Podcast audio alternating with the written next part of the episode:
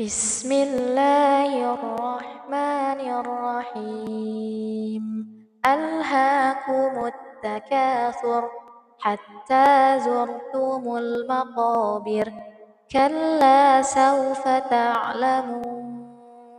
ثم كلا سوف تعلمون.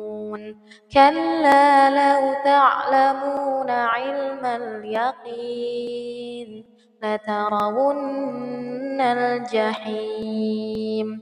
ثم لترونها عين اليقين. ثم لتسألن يومئذ عن النعيم.